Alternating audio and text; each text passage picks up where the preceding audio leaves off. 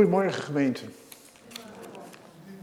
En uh, het is duidelijk dat uh, de... Oh, je had nog mededelingen. Oh, prima.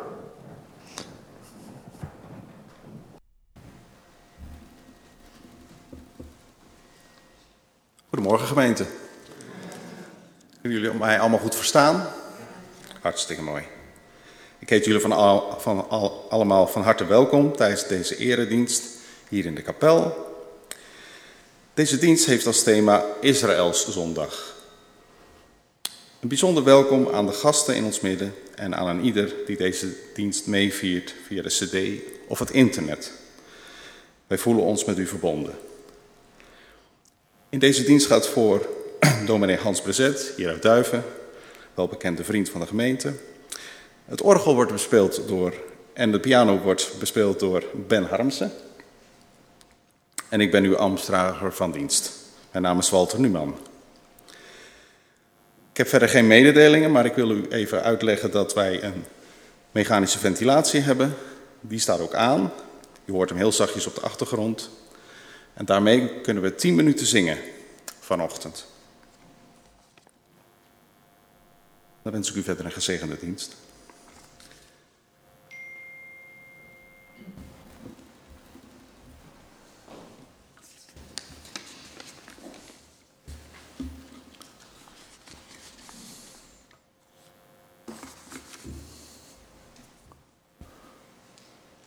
Onze hulp is in de naam van de Heer.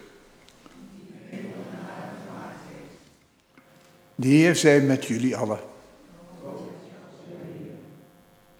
We beginnen met een luisterlied. Lied 8, vers 1 en 3 en 6. Ja.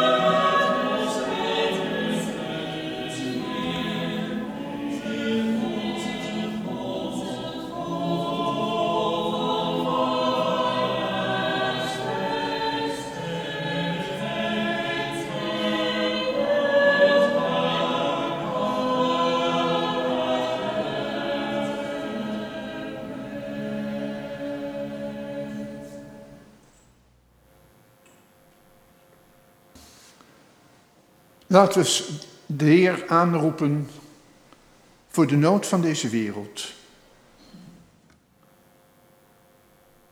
Heer onze God, wij bidden nu voor alle mensen die bang zijn, Die bang zijn dat ze ziek worden. Die bang zijn dat het in hun naaste omgeving toeslaat. Die bang zijn dat de, hun bedrijf, hun werk gaat verdwijnen. Die bang zijn dat het nooit ophoudt. Heer, help hen, steun hen en geef dat we ook elkaar steunen, juist ook op een andere manier, omdat het niet meer kan zoals we het gewend zijn. Dat je elkaar heel erg nabij bent. Een ander arm om elkaar heen. Elkaar knuffelen, elkaar moed geven, zo van dichtbij. Geef dat we andere vormen vinden. Dat we weten hoe we kunnen zorgen dat mensen verstaan wat we zeggen willen. Dat mensen zich gesteund voelen. We bidden nu ook voor al diegenen die in nood zijn omdat ze ergens misbruikt worden. Kinderen, mensen, volwassenen, vrouwen, maar ook de dieren die mishandeld worden of misbruikt. We bidden nu voor vrede, voor vrede overal op deze wereld. Voor al deze mensen die in nood zijn, roepen we u aan, Heer, ontferming. Ter inleiding twee beelden, twee mannen naast elkaar. De een, een Joodse man, want het is Israël zondag. Hij is in gebed, te vergaand bidden. Hij doet de riemen, gebedsriemen aan. Hij heeft de gebedsmantel omgeslagen. En hij is, eh, hij is erbij omdat het Israëlzondag is. Aan de andere kant, ik weet niet of u ziet wie het is. Herkent u hem? Die aan de rechterkant? Wie zou dat zijn? Hm? Ja, dat is Franciscus. Franciscus van Assisi. Want het is vandaag zijn gedenkdag. En dan zullen we zeggen, ja, maar we zijn toch niet rooms? Uh, daar doen we niet aan. Dus een van de weinigen, naast Sinterklaas en Sint Maarten, is Sint Franciscus een van de weinigen waar wij wel enigszins aan doen. Want Franciscus is degene die de, uh, de kerk heeft wakker gemaakt voor, voor de plaats van de dieren. Dat de, de, dieren, maar ook de, laten we zeggen, de hele schepping broeders en zusters van ons zijn. Hij sprak over broederzon en zustermaan. En hij predikte het evangelie aan de dieren. Hij zegende ze ook. Nou, hier is hij met de vogels bezig. En ehm, zijn sterfdag en herdenkdag vandaag, 4 oktober, is daardoor Dierendag geworden. En we gaan vanmorgen uit van de traditie die we met Israël delen in, de, in het boek Genesis en bij de profeet Jezaja en zoeken daar naar dierensporen. Maar eerst bidden we voor de opening van het woord. Heere God, die uw schepping is vaak in nood. Uw schepping, we leven er maar raak mee vaak. En we hebben gelukkig mensen die ons eraan herinneren in de geschiedenis dat het zo niet kan. Dat de schepping er is naast ons en niet tegenover ons. Dat we over, de, over wat u geschapen hebt niet mogen heenlopen met grote laarzen en het vertrappen. Maar dat we uw schepping mogen liefhebben en respecteren. Geef ons door uw woord vandaag een stukje bezinning daarop. Om Jezus wil. Amen. We hebben twee lezingen. Twee, twee, ja, het zijn allemaal eigenlijk wat fragmenten.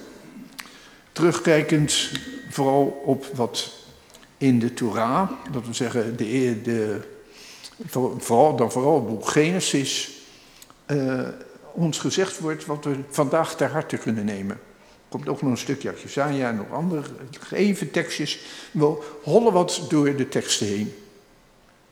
Het eerste stuk dat ik u lees is uit Genesis 2, de versen 15 tot en met 23. Dat is dus wat je zou kunnen noemen uit het tweede scheppingsverhaal. Want de schepping wordt op twee manieren belicht en dit is dus de tweede. Een gedeelte ervan. God de Heer bracht de mens in de tuin van Eden om die te bewerken en erover te waken. Hij hield hem het volgende voor. Van alle bomen uit de tuin mag je eten, maar niet van de boom van de kennis van goed en kwaad. Wanneer je daarvan eet, zul je onherroepelijk sterven. God de Heer dacht, het is niet goed dat de mens alleen is. Ik zal een helper voor hem maken die bij hem past. Toen vormde hij uit aarde uh, alle in het wild levende dieren en alle vogels en hij bracht die tot de mens om te zien welke namen de mensen zou geven. En zoals hij elk levend wezen zou noemen, zo zou het heten. De mens gaf namen aan alle vee, aan alle vogels en alle wilde dieren. Maar hij vond geen helper die bij hem paste. Toen liet God de Heer de mens in een diepe slaap vallen. En terwijl de mens sliep, nam hij een van zijn ribben weg en vulde die plaats met, weer met vlees. Uit de rib die hij bij de mens had weggenomen, bouwde God de Heer een vrouw en hij bracht haar bij de mens. En toen riep de mens uit, eindelijk één gelijk aan mij, mijn eigen gebeente, mijn eigen vlees. Eén die zal heten vrouw, één uit een man gebouwd. Ja, dat is een beetje raar waar, waarom ze dan vrouw zou heten, maar in het Hebreeuws is dat duidelijker. Want man is ish en uh, hij zei, deze zal Isha heten. Dus gewoon het vrouwelijk achtervoegsel achter het woord Ish. En we zingen nu, dit mogen we zingen, lied 162, de versen 3 en 5. Die melodie dacht ik dat redelijk bekend is, maar je speelt hem één keer voor, hè? Ook, ja.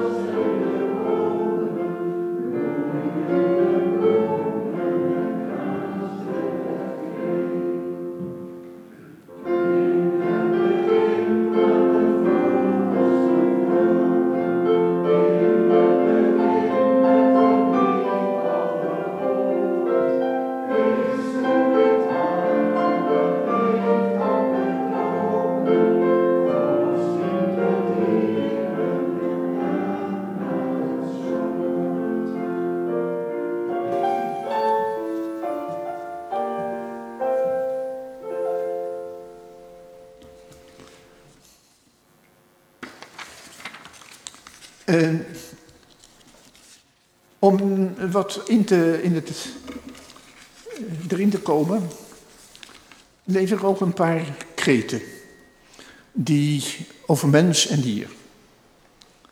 Een kind vroeg, mami, komt onze poes ook in de hemel? En iemand zei, die rothond van hiernaast heeft weer op het onstuimpad gepoept. Duizenden vogels en vissen sterven door olielozingen op de Noordzee. Weer een ander. Een auto stopt op een bospad en er wordt een hond uitgeduwd. Daarna rijdt de auto snel weg. Kunnen ze eindelijk rustig met vakantie. In Turingen kwam een dominee in het nieuws omdat hij in de kerk twee poezen had gedoopt. Heb u wel eens een keer een koe geslacht zien worden in het abattoir? En had u toen nog trek in biefstuk? Gehakt misschien wel. Want gehakt is vlees waar je geen dier meer in kunt zien. En dan hebben we, hebben we ooit meegemaakt dat er een, een hond mocht deelnemen aan het heilige avondmaal. Nou, natuurlijk niet, hè. Dat is onzin. En toch, toch heb ik wel eens een keer hier in de kerk een hond aan het avondmaal gezien. Een blinde geleidehond. Maar of die ook een stukje brood had gekregen? Tuurlijk niet. Misschien kruimeltjes die van de tafel afgevallen waren. En dat is heel bijbels. Hoe dan ook, red de zeehondjes. Walter leest nu voor ons Genesis 7, vers 13 tot 16.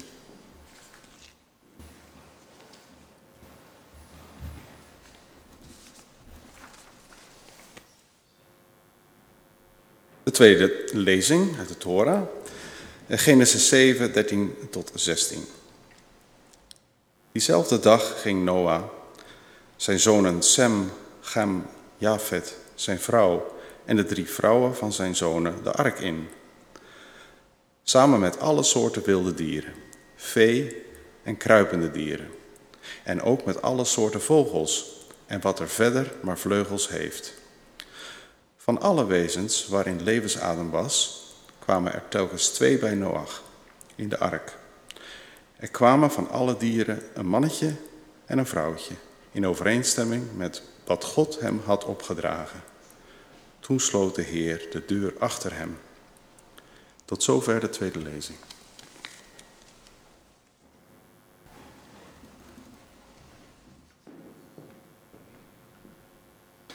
En dat verhaal eindigt. Oh, wacht, nee, nee we hebben eerst een, eh, een lied. Ja, dat, uh, dat zullen we moeilijker kunnen zingen.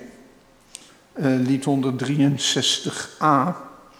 En daarvan eerst het tweede vers, na de volgende lezingje uh, het vierde vers. Maar we gaan het proberen. Ik speel eerst voor. Ja, speel het even voor.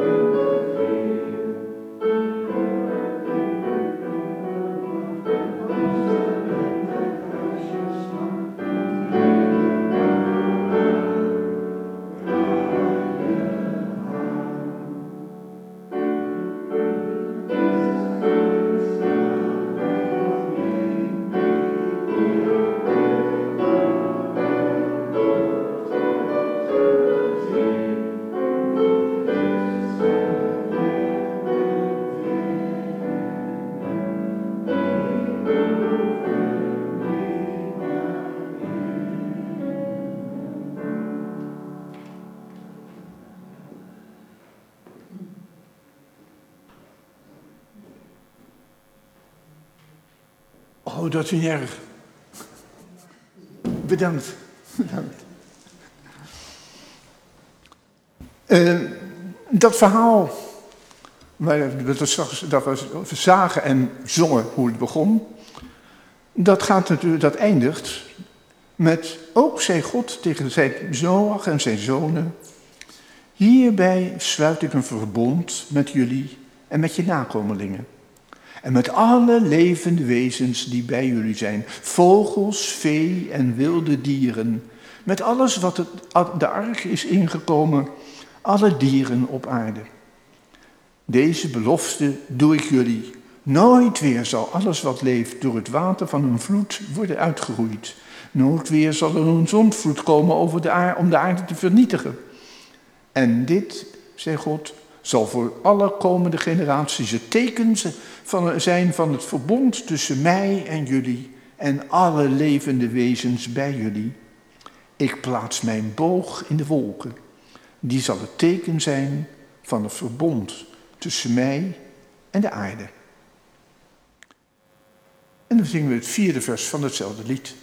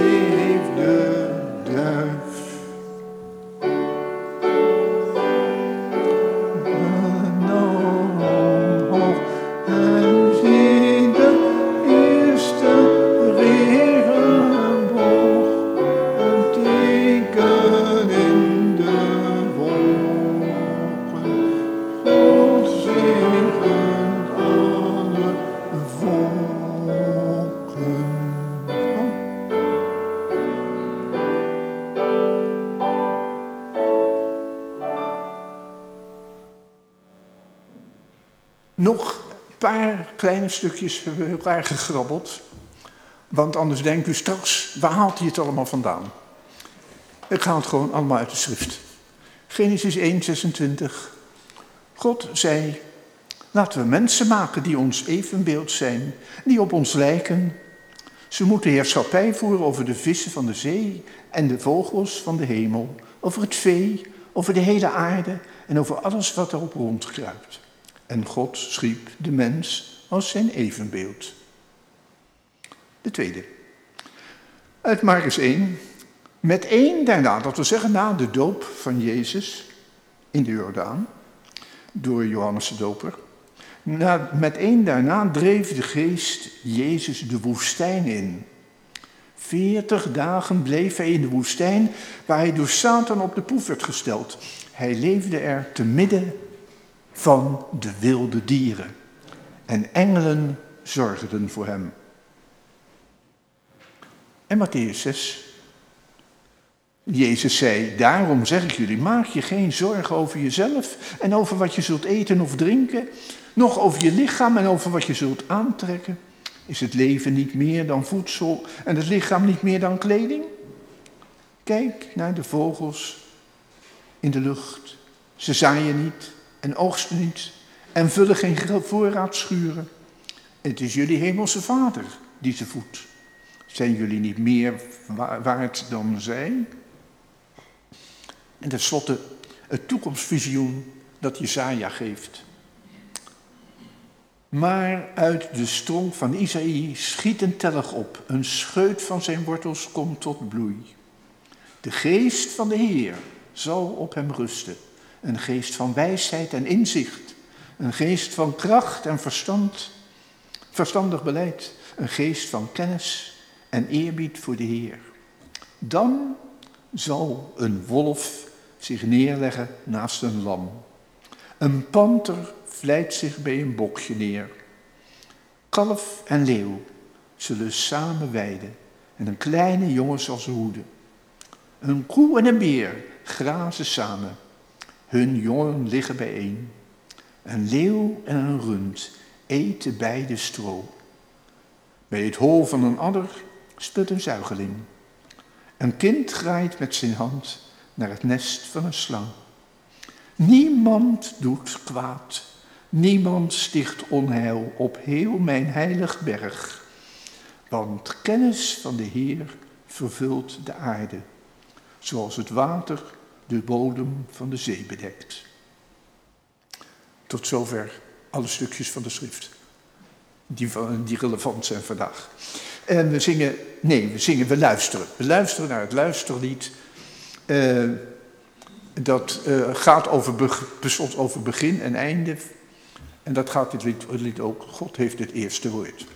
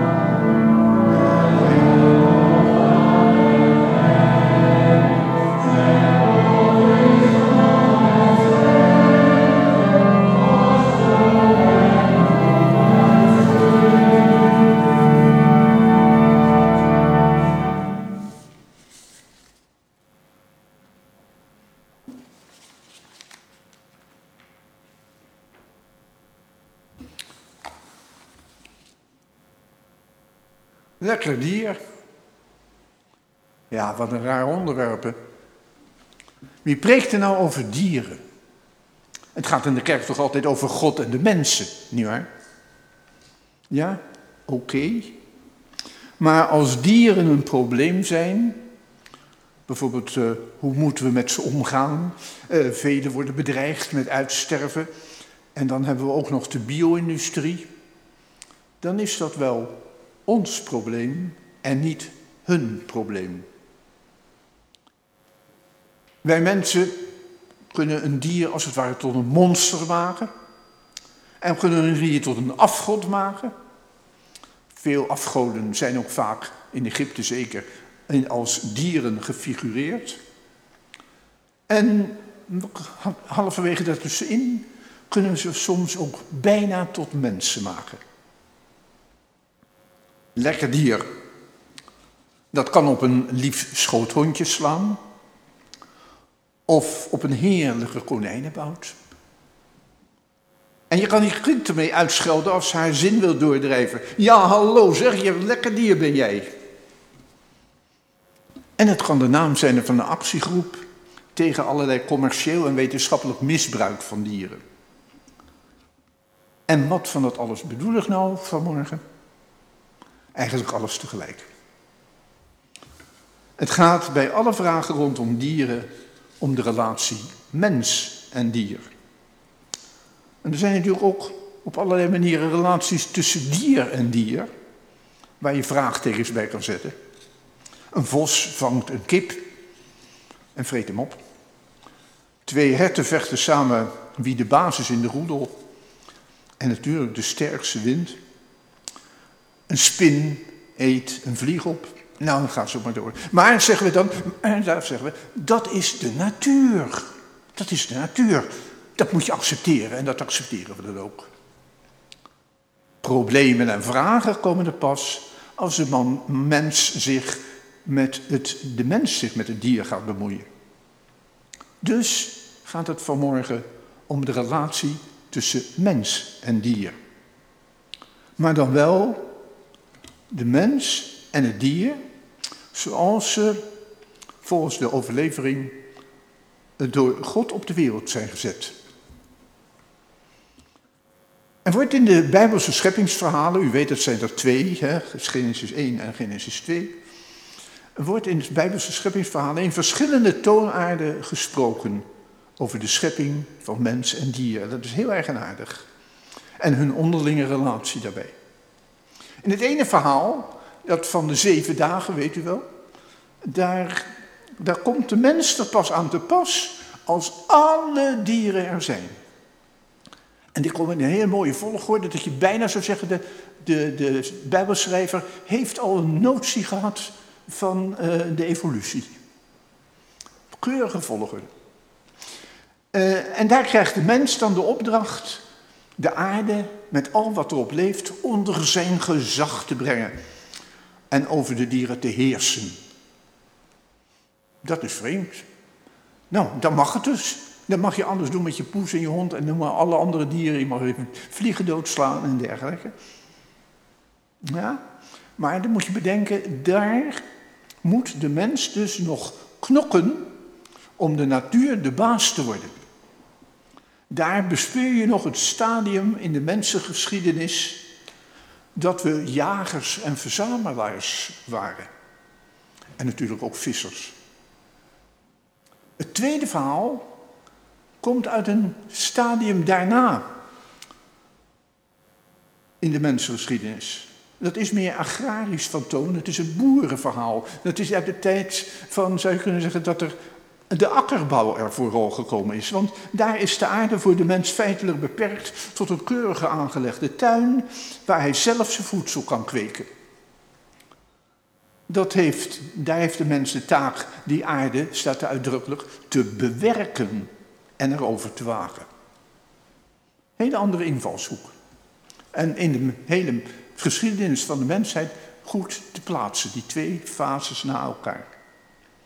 En daar komen de dieren, en dat is het nog merkwaardiger, daar komen de dieren niet aan het begin, maar die komen, die komen er pas aan te pas nadat God heeft ontdekt dat het niet goed is dat de mens alleen is.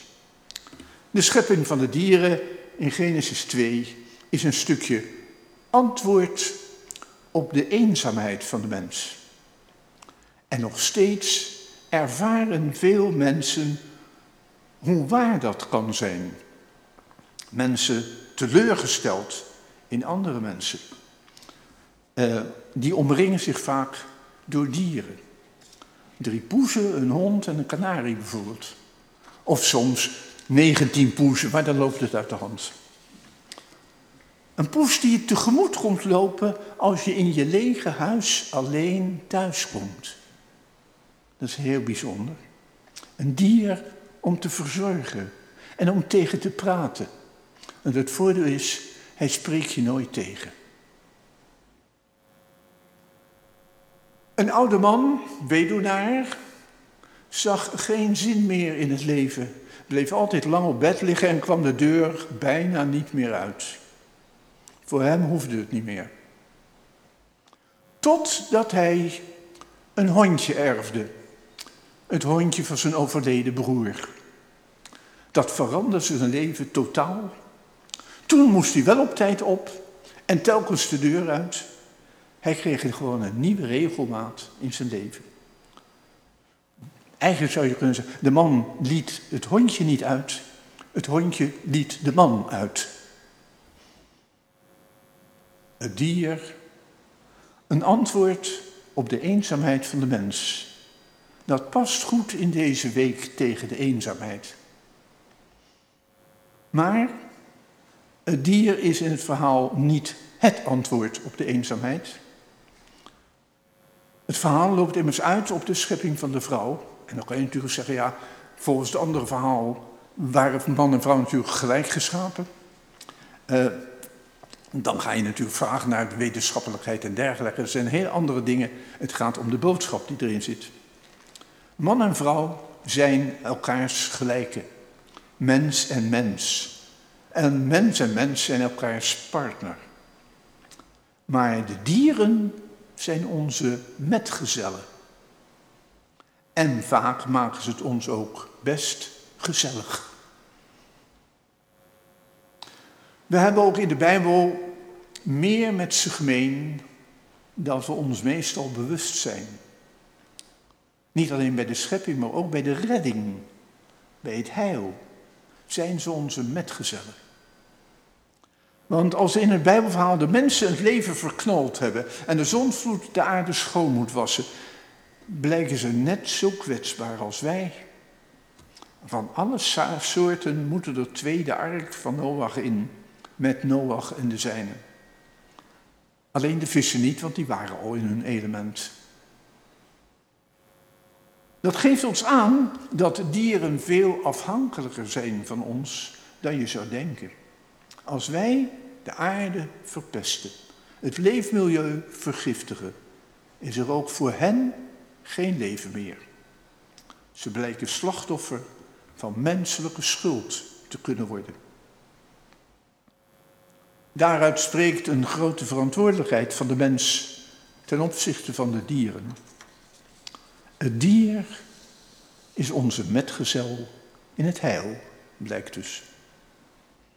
En in het Sabbatsgebod, het op één na belangrijkste gebod voor Israël, worden uitdrukkelijk ook de dieren betrokken.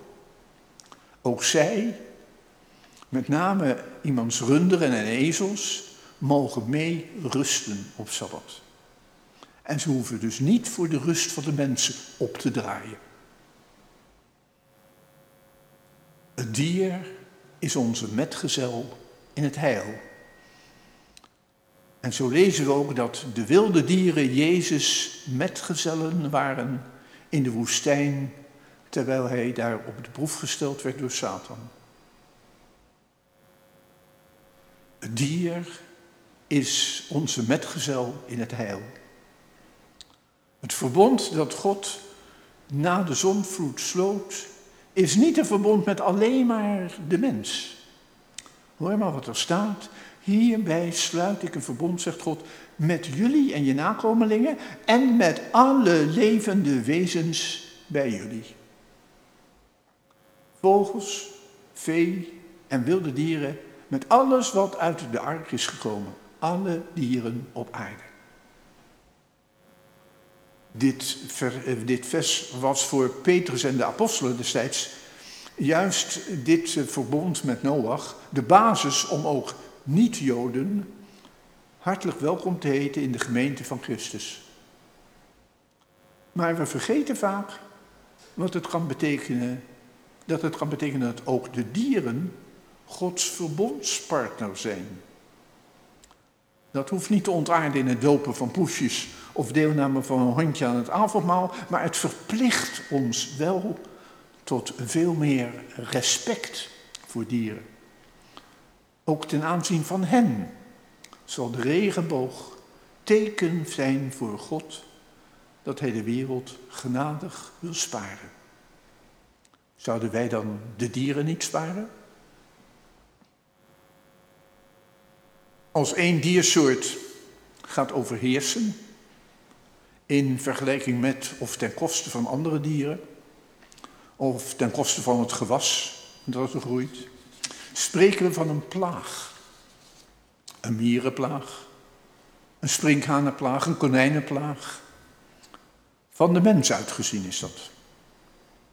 Maar zouden we niet van de dieren en de natuur uitgezien kunnen stellen, misschien moeten stellen, dat er op aarde langzamerhand een mensenplaag heerst. Het gebruik van steeds meer ruimte, de vervuiling en de consumptie, waar we allemaal deel aan hebben, kost immers veel dieren en diersoorten het leven. De biodiversiteit staat erg onder druk. Aan de andere kant overdrijven we soms ook onze dierenliefde en slaan we daarin helemaal in door. Mensen uit de derde wereld die bij ons eh, een keer komen, die staan verstomd als ze zien wat een luxe en mogelijkheden er bij ons zijn, vooral voor huisdieren. Legio soorten blikjes, zoveel verschillende merken en van hondenvoer en kattenvoer en dure dierenkliniek, het kan niet op. Veel huisdieren hebben het bij ons aanzienlijk beter dan miljoenen mensen in Afrika. God heeft ons een verantwoordelijkheid gegeven voor onze medemensen en onze medeschepselen, alle levende wezens op aarde. De dieren hebben daarin een spiegelfunctie. De humaniteit, dat we zeggen de mate waarin ons handelen werkelijk menswaardig is, is met name ook af te lezen aan hoe we met de dieren omgaan. In de Bijbel hebben de dieren trouwens nog een tweede spiegelfunctie. Kijk naar de vogels in de lucht. Ze zaaien niet en oogsten niet en vullen geen voorraadschuren.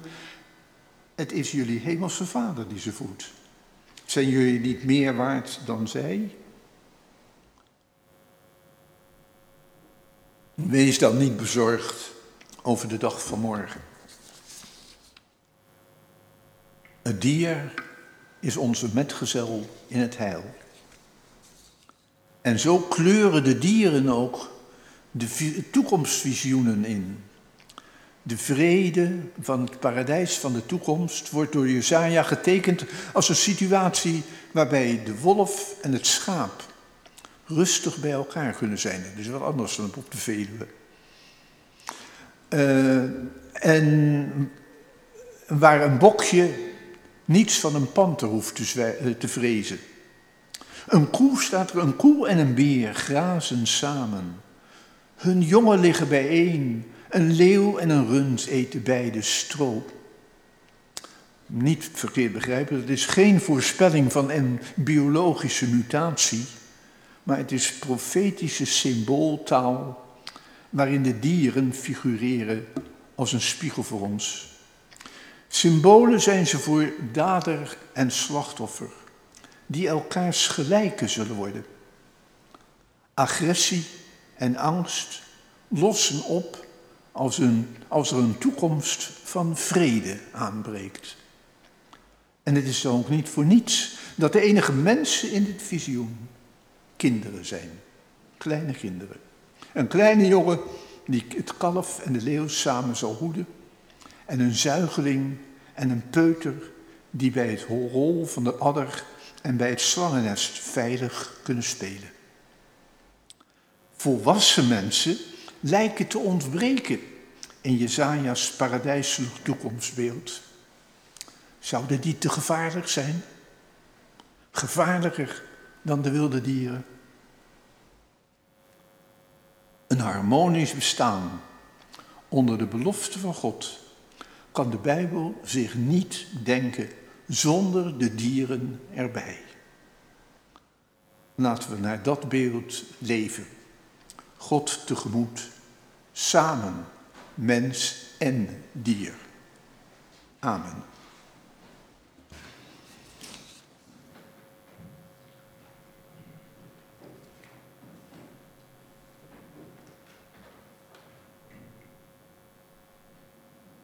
We zingen een lied uit de bundel Zing het Woord.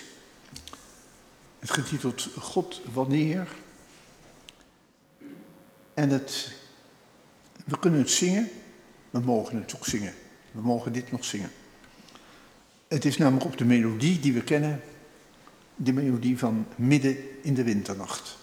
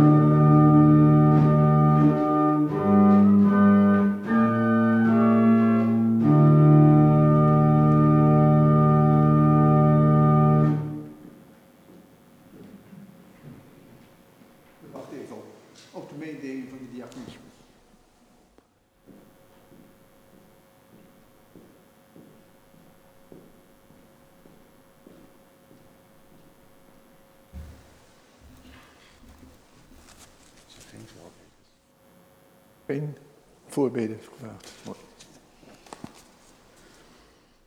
De mededelingen van de diaconie. Voor in de kerk staat een bos bloemen en die gaat als groet naar de familie bouwmeester Vos. Die waren namelijk 1 oktober jongstleden 40 jaar getrouwd.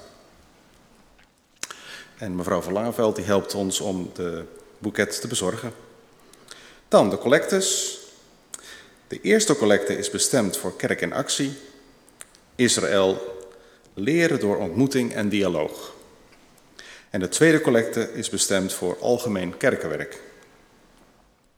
De collectes worden u van harte aanbevolen en het kan via de Giveit-app of de collecteschalen bij de uitgang. Dan staat er daar eentje ja. en er staat er eentje in de hal als u uh, vertrekt. Dat waren de mededelingen. Dank u wel.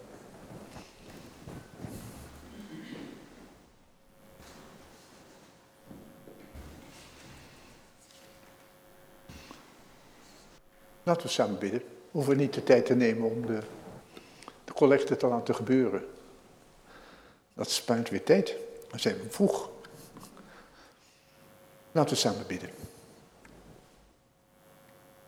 Heere God, dank u wel dat u ons niet alleen gelaten hebt.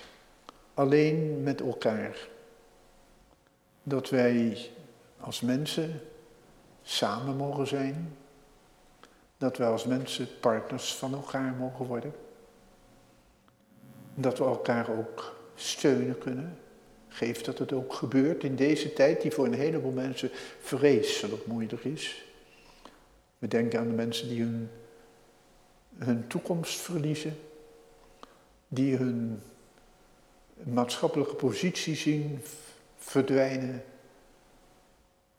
Zakenmensen, maar ook de werknemers die ontslagen worden.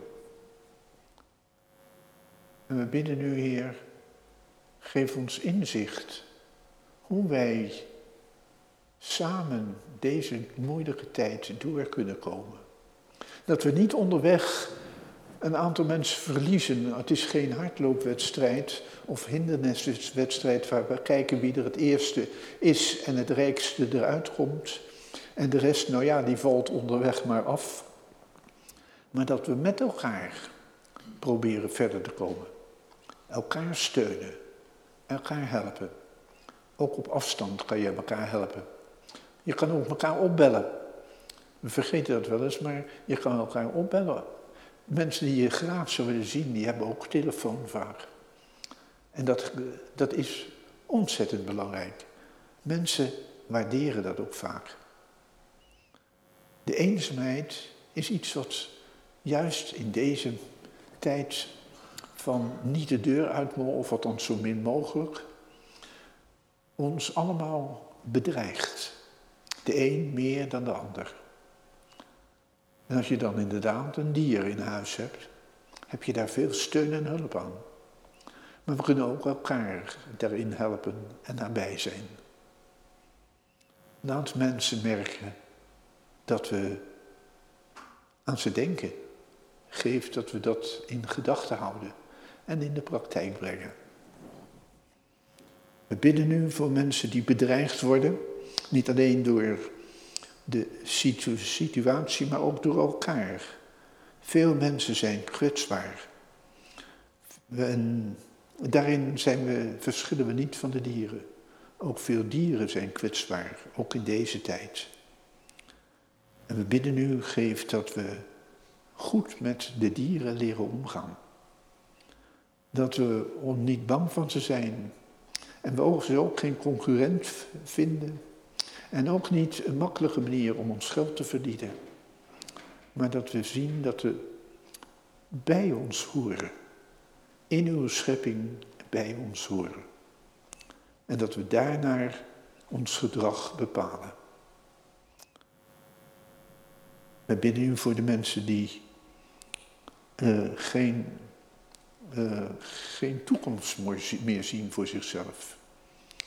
Die geen uitkomst zien voor de mensen die ernstig ziek zijn. Voor de mensen die in rouw zijn, omdat plotseling iemand hen toch ontvallen is.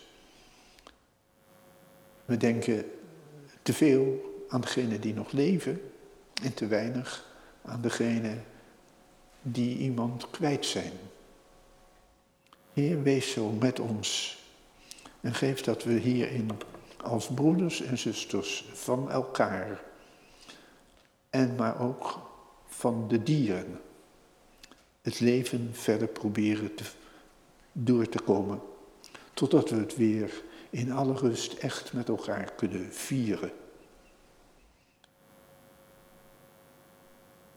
In het moment van stilte hebben we nog de ruimte om namen aan u te noemen van mensen waar we erg bezorgd over zijn.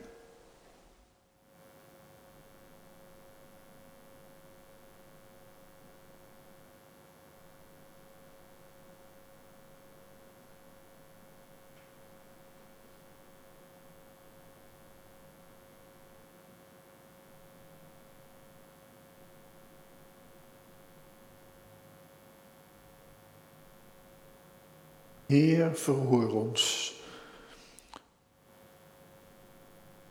In de naam van Jezus, die ons leerde bidden. Onze Vader, die in de hemel zijt. Uw naam wordt geheiligd, uw koninkrijk komen. Uw wil geschieden op aarde zoals in de hemel. Geef ons heden ons dagelijks brood. En vergeef ons onze schulden zoals ook wij onze schuldenaars vergeven. Maar leid ons niet in verzoeking, maar verlos ons van de boze. Want van u is het koninkrijk en de kracht en de heerlijkheid in eeuwigheid. Amen. En dan hebben we nog een, mogen we nog een slotlied zingen ook. Daar heb ik nog ruimte voor gehouden. En dat wordt het laatste vers van uh, ons mooie afscheidslied Ga met God en hij zal met u zijn. Ik heb het laatst gekozen omdat daar ook het, het weerzien uh, genoemd wordt, waar we naar uitkijken telkens.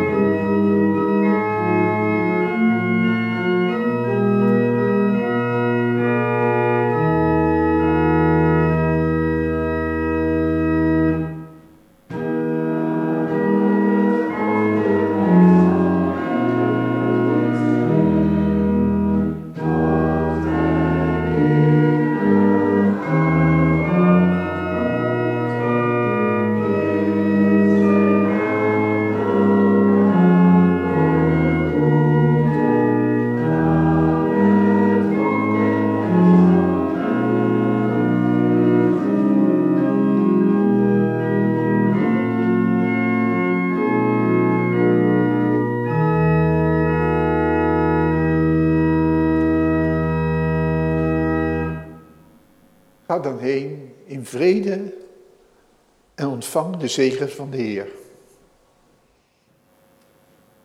De Heer zegene u en hij behoede u. De Heer doet zijn licht over u stralen en zijn gelaat over u schijnen. Mogen de Heer u genadig zijn en mogen de Heer u zijn gelaat toewenden en u vrede geven.